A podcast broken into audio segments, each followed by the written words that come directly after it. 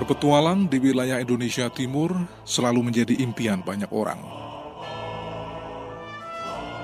Selain karena keindahan alamnya, wilayah ini juga menjanjikan banyak hal yang tidak terduga.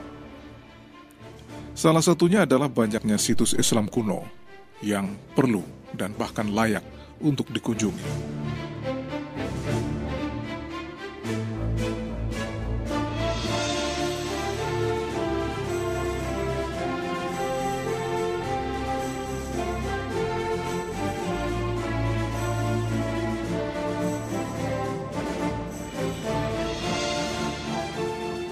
Saat ini saya berada di Ambon dan berencana pergi ke wilayah bernama Kaitetu, di mana ada jejak penyebaran Islam yang sangat luar biasa di sana.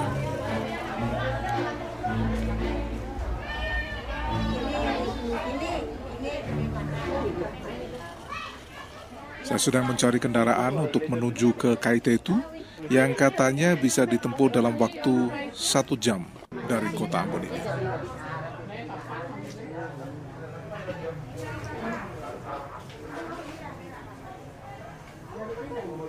Berdasarkan beberapa buku sejarah dan wawancara dengan sejumlah narasumber sebelumnya, diketahui bahwa Islam lebih awal berkembang di Maluku sebelum menyebar ke Makassar dan wilayah lainnya di Pulau Sulawesi. Ketika Portugis datang ke kepulauan itu di tahun 1512, agama Islam telah tersebar di Maluku Raja Ternate yang bernama Bayang Ulah, penguasa salah satu kerajaan terbesar di Maluku, diketahui telah memeluk agama Islam.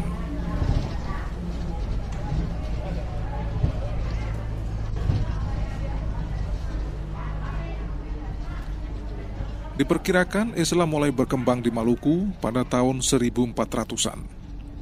Hal itu dibuktikan dengan berdirinya sebuah masjid kuno di Pulau Ambon dan masjid inilah yang menjadi tujuan saya. Karena masjid ini merupakan salah satu bukti sejarah yang menandai perkembangan Islam di provinsi Seribu Pulau ini.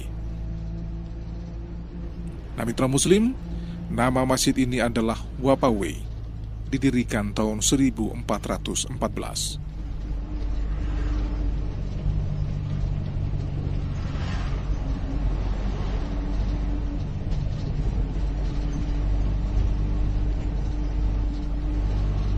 Menurut sesepuh warga Kaitetu, Abdul Masjidiha, awalnya masjid ini bernama Masjid Wawane karena dibangun di lereng Gunung Wawane oleh keturunan Kesultanan Islam Jailulu dari Moluku Kieraha atau empat gunung Maluku Parnada Jamilu. Gini orang-orang biasa menyebut Masjid Wapawe. Dulu masyarakat desa Kaitetu itu tinggalnya di pegunungan, Gunung Wawane menuju arah selatan kira-kira 8 km dari pesisir pantai. Nah, masyarakat itu pada saat itu sebelum memeluk agama Islam masih percaya kepada animisme. Setelah mereka sudah memeluk agama Islam, akhirnya mereka mendirikan masjid ini pada tahun 1414. Imam pertamanya pada saat itu namanya Muhammad Ari Kulapesi. Masjid ini masih dipertahankan bentuk aslinya dan berdiri di atas tanah yang disebut Teon Samaiha. Letaknya berada di antara pemukiman penduduk Kaitetu dan bentuknya sangat sederhana, unik, dan bersifat elementer. Masjid Bapawe dibangun tanpa paku untuk menyatukan bagian-bagiannya, sehingga bisa dibongkar pasang untuk menyambungkan setiap bagian bangunan, perancangnya hanya menggunakan pasak dari kayu. Uniknya dari bangunan masjid ini, konstruksi bangunannya terbuat dari kayu, tanpa paku maupun pasak kayu. Sebagian diikat dengan tali ijuk. Dan sebagian di dalam masjid, itu di tengah-tengah pusat masjid, ada terdapat namanya batu azan. Kalau untuk masjid ini harus di tengah-tengah itu pusat masjid. Itu maknanya, itu kalau menurut kita punya orang tua dulu, ketika suara ajan itu mulai mendengung, aras masjid itu terbuka. Nah, langsung suara ajan itu naik menembus tujuh lapis langit.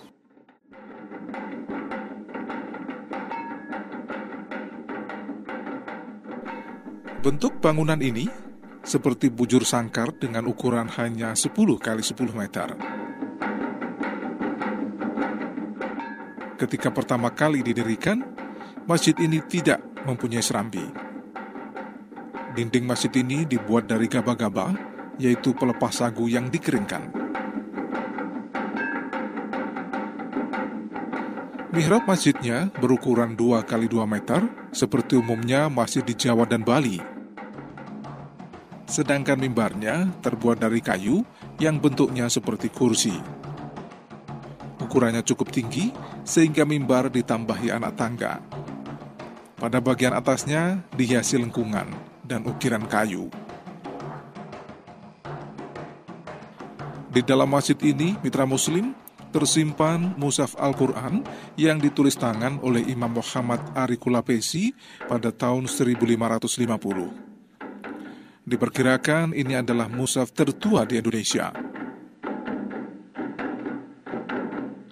Di masjid ini juga terdapat musaf Nur Cahya yang ditulis tahun 1590.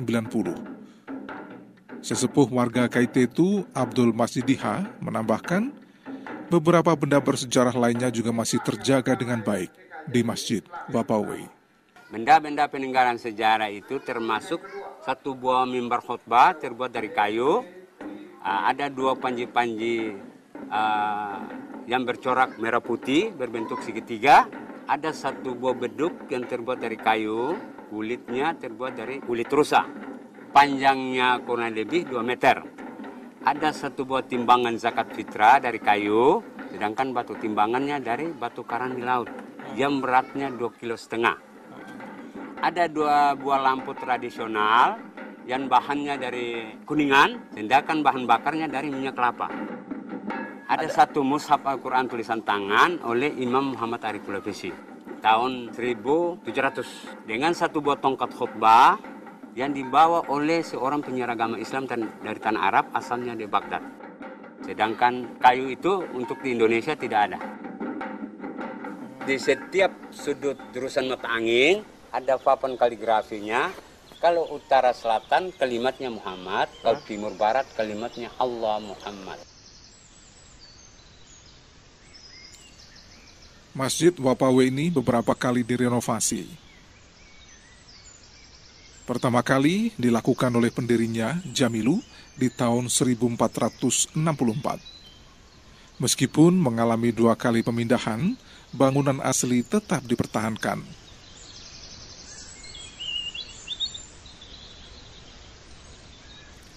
Kedatangan Belanda di Kaitetu di tahun 1580 menyebabkan Masjid Wapawe dipindah.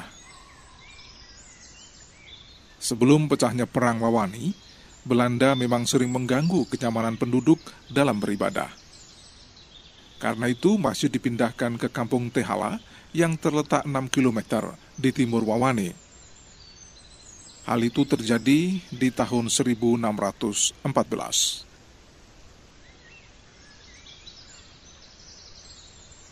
Ketika masjid dipindahkan ke kampung Tehala, masjid direkonstruksi di sebuah tempat yang banyak ditumbuhi pohon mangga hutan, yang dalam bahasa Kaitetu disebut dengan Wapa. Hal itulah yang menyebabkan masjid ini berganti nama menjadi Wapawe, yang artinya masjid yang didirikan di bawah pohon mangga berabu. Tahun 1646, Belanda menguasai seluruh tanah itu. Belanda kemudian meminta masyarakat turun dari daerah pegunungan, termasuk lima kampung di wilayah Wawane. Lalu pada tahun 1664, ditetapkanlah berdirinya negeri Kaitetu. Menurut pengurus Masjid Wapawe, Jafar Lain, sebelum Islam masuk, penduduk lokal kampung Wawane merupakan penganut animisme. Lalu sahabat kemudian mulai berubah seiring dengan kedatangan pedagang Jawa ke Provinsi Maluku. Pedagang-pedagang Jawa itu tidak hanya berdagang, tapi juga menyebarkan agama Islam. Sejak saat itulah kepercayaan animisme sedikit demi sedikit mulai memudar di Wawane. Islam ke Maluku sini karena pada saat itu pusat syiar Islam ada di Wawane, maka oleh masyarakat yang berada di di pegunungan Wawane pada saat itu karena saking hormatnya kepada mubalik Islam dari tanah Arab itu mereka tidak pernah menyebutkan nama beliau hanya memberi gelar yaitu tuni ulama. Tuni itu artinya bahasa asli dari sini tuni asli sedangkan ulama ya penyiar agama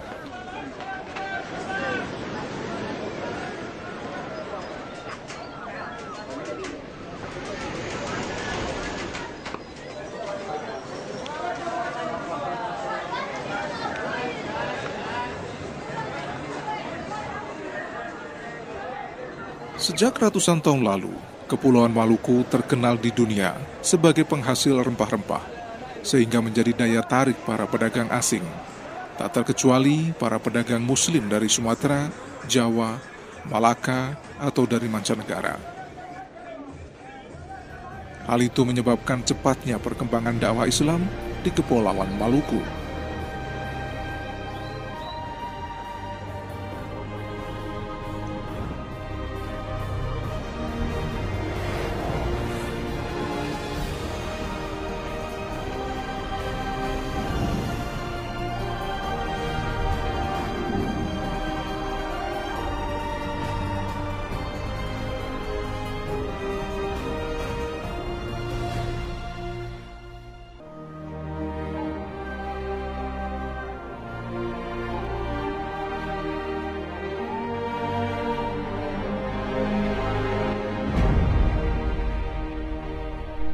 Islam masuk ke Maluku sekitar pertengahan abad ke-15 atau sekitar tahun 1440 yang dibawa oleh para pedagang muslim dari Pasai, Malaka, dan Jawa. Tahun 1460, Raja Ternate Fongi Tidore masuk Islam. Setelah itu agama Islam berkembang ke kerajaan-kerajaan yang ada di Maluku. Tapi di antara sekian banyak kerajaan Islam yang paling menonjol adalah dua kerajaan, yaitu Ternate dan Tidore.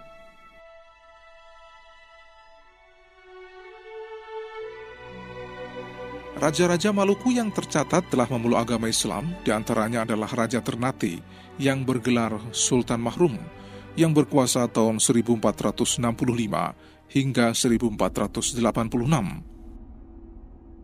setelah meninggal dunia, digantikan oleh Sultan Zainal Abidin yang sangat besar jasanya dalam menyiarkan Islam di Kepulauan Maluku, Papua, bahkan sampai ke Filipina. Raja lainnya adalah Raja Tidore yang kemudian bergelar Sultan Jamaluddin. Juga Raja Jailulu yang berganti nama dengan Sultan Hasanuddin. Dan tahun 1520, Raja Bacan masuk Islam dan bergelar Zainal Abidin.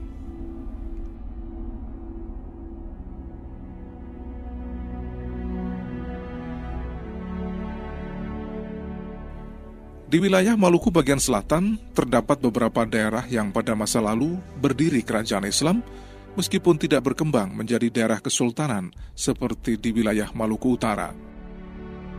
Saat ini, wilayah itu merupakan desa-desa yang bercorak Islam dan memperlihatkan corak keislaman yang berbeda. Beberapa tinggalan arkeologi yang dapat ditemui hingga sekarang bisa memberi gambaran betapa budaya Islam dari awal hadirnya hingga perkembangannya saat ini sangat dinamis.